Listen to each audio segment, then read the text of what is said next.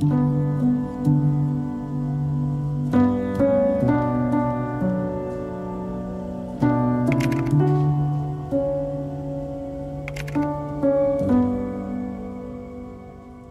Tiesiog ėjau skyriaus koridoriumi ir išgirdau palatoje verkianti vaiką. Kadangi palatos duris tokios buvo permatomos su stiklu, aš pamačiau, kad palatoje yra maždaug 8 mėnesių kūdikis, jisai sėdė lovytėje ir verkė žiūrėdamas į duris, o aplink jį nieko daugiau nėra, jokių suaugusių žmonių. Man natūraliai e, kilo noras ieškoti to vaiko tėvų, nes man net nekilo klausimas, kad tų tėvų gali nebūti.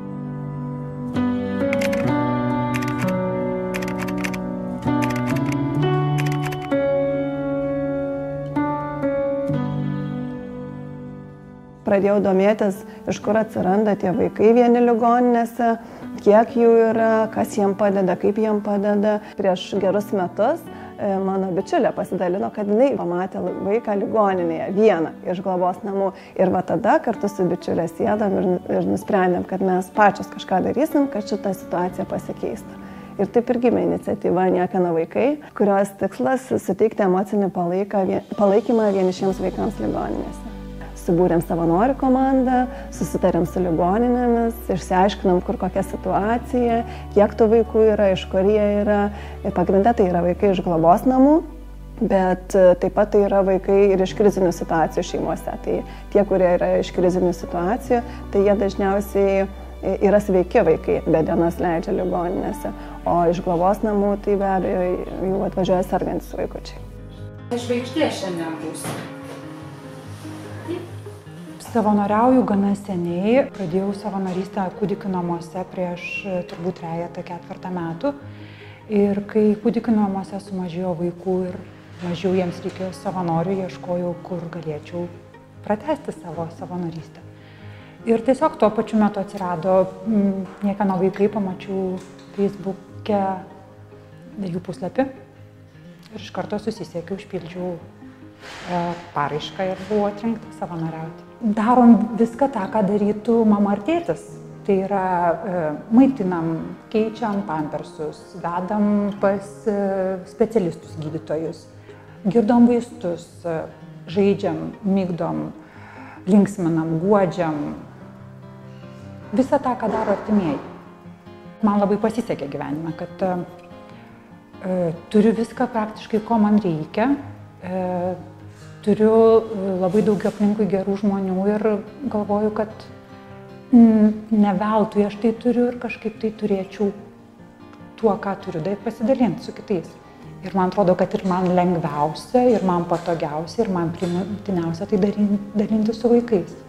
Kažkur skaičiau tokį dalyką, kad bet kurią veiklą, kokią tu beveiktum, svarbu, kad būtų trys komponentai. Tai kad tau pakankamai gerai sektųsi ta veikla, kad būtų pakankamai iššūkių ir kad matytum tame prasme. Dėl prasmės tai manau, kad nei viena mūsų savanorių nekyla klausimų, kad kaip prasminga vat, tas penkias valandas su vaiku e, pabūti, nes e, tų mažų pergalių tenai e, yra labai daug.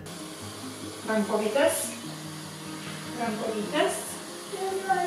Nenori ko. Ko nenori? Prašau. Vaikas neturėjo įgūdžių valytis dantis. Ir, pavyzdžiui, per tas būdėjimo pamainas su savanoriu, mūsų savanorės išmokė juos naudotis dantų šepeteliu, valytis dantis. Ir tą įgūdį tikėtina jis išsineša savo gyvenimą jau ir iš ligoninės kitur. Arba, tarkim, sveiki vaikai vasarą leisdavo na, e, dienas palatoje ir nieks neturėjo žmogiškųjų resursų ligoninė, kad juos tiesiog išvesti į lauką pabūti. Tai mūsų savanoriai pasitiesdavo pledą, ligoninės kieme žaisdavo su vaikais kamoliu ir leisdavo jam patirti tą vaikystę ir būti vaiku, o ne tik kaliniu palatoje. Jiems tiesiog tai yra smagiau, saugiau su mumis būti. Nu, geriau būti su kažkokiu saugusiu žmogum, negu kad būti vienam palatoj, lovytėj su grotom ir tik tai būti pamaitintam, ar ten suleisti vaistai, ar ten sugirdyti vaistai. O čia visą laiką yra pastovi, yra žmogus, kuris su tavim pažais, tave paims ant rankų, jeigu tau liūdna. Jeigu gera nuotaika su tavim pažais, padainuos, pašoks, bet ką padarys, kad tik tai jo tas laikas čia nebūtų toks Liūdna.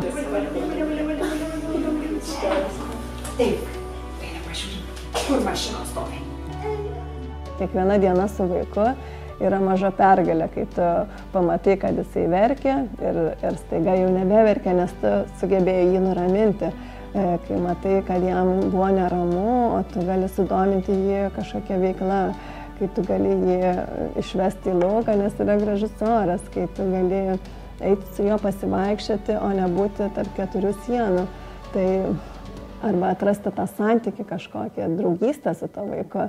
Tai man atrodo visos tos istorijos mūsų savanorių galvose ir širdise išliks dar ilgai. Ir tai yra e, ne tiek graudi ta patirtis, kad vad gal kartais atrodo tas išsiskirimas sunkus, kiek labiau yra na, teigiama, nes tu žinai, kad, kad, kad tu padėjai.